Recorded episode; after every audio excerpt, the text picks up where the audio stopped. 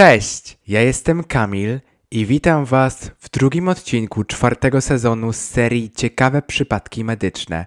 Wracam do Was po dwutygodniowej przerwie spowodowanej tym, że były ferie zimowe i miałem wyjazd i w jednym tygodniu jeszcze tych ferii nie miałem, ale szykowałem się do wyjazdu, dlatego też nie było odcinka, ponieważ się intensywnie pakowałem, a w drugim po prostu byłem właściwie to już był dzień powrotny mojego wyjazdu, także te dwa odcinki gdzieś tam przepadły, ale myślę, że przerwy też są dobre, dlatego dzisiaj do Was wracam z podwójną mocą, no i wracamy do tej regularności, przynajmniej do tej Wielkanocy, gdyby coś tam się miało jeszcze, nie daj Boże, pokręcić. Także dzisiaj opowiemy sobie o neurofibromatozie. Jakbym się czytał, to przepraszam, ale to trudna nazwa, więc będzie ciężko zapamiętać. E, przedłużyłem, także zapraszam do słuchania.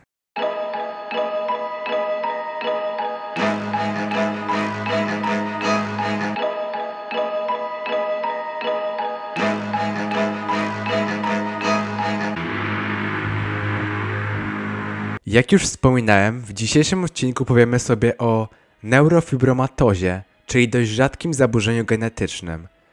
Neurofibromatoza inaczej zwana jest nerwiakowłóknistością. Ma podłoże genetyczne i charakteryzuje się łagodnymi guzami nerwów i rozrostem tkanki w różnych częściach ciała. Neurofibromatoza nie jest schorzeniem jednorodnym. Niektórzy chorzy skarżą się na objawy, a inni nawet nie zauważają choroby. Choroba ta ma różne rodzaje. Istnieją dwie formy. Neurofibromatoza typu pierwszego, która powoduje mutację w chromosomie 17 oraz neurofibromatoza typu drugiego, która powoduje mutację w chromosomie 20. Zacznijmy od tej pierwszej.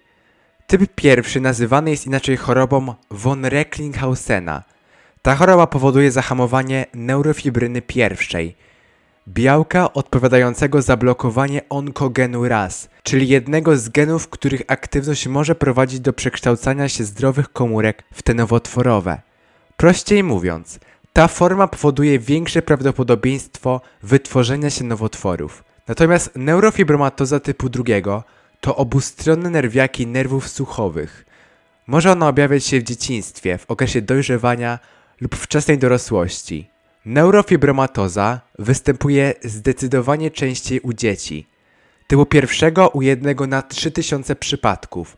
Z kolei typu drugiego pojawia się u jednego na 200 tysięcy dzieci. Szacunki wskazują, że istnieje 50% szans, że każde dziecko rodzica, które jest nosicielem genu neurofibromatozy, odziedziczy ten gen. Istnieje również szansa na mutację de novo, która jest spontaniczna i nie zależy od genów. Najczęstsze objawy neurofibromatozy typu pierwszego. Plamy na skórze, które mają kolor kawy z mlekiem. Najczęściej pojawiają się na klatce piersiowej, plecach, łokciach i kolanach. Mogą one być widoczne zaraz po porodzie lub pojawiać się w okresie wczesnego dzieciństwa. W okresie od 10 do 15 roku życia pojawiać się także mogą miąższowe narośla.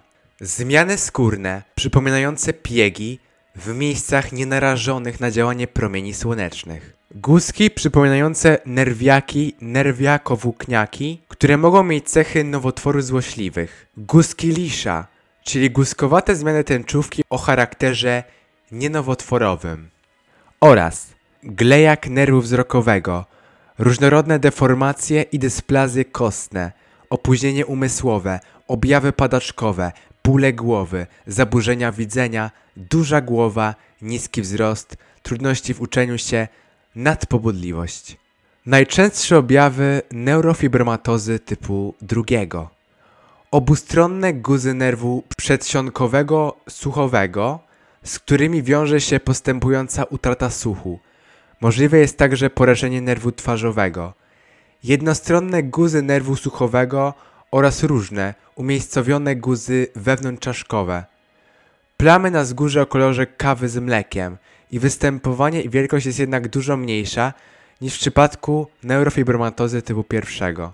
Zmiany oczne, zmętnienie soczewki, zaćma, zmiany barwnikowe siatkówki, bóle i zawroty głowy, problemy z zachowaniem równowagi i chodzeniem.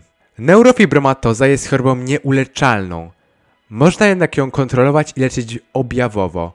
Aby było to możliwe, kluczowe jest prawidłowe zdiagnozowanie choroby. Leczenie objawowe będzie tym bardziej skuteczne, im wcześniej choroba została rozpoznana.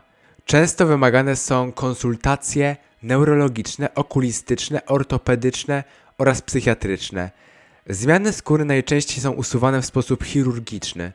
Jeśli pojawiły się objawy nowotworowe, to stosowana jest chemioterapia lub radioterapia.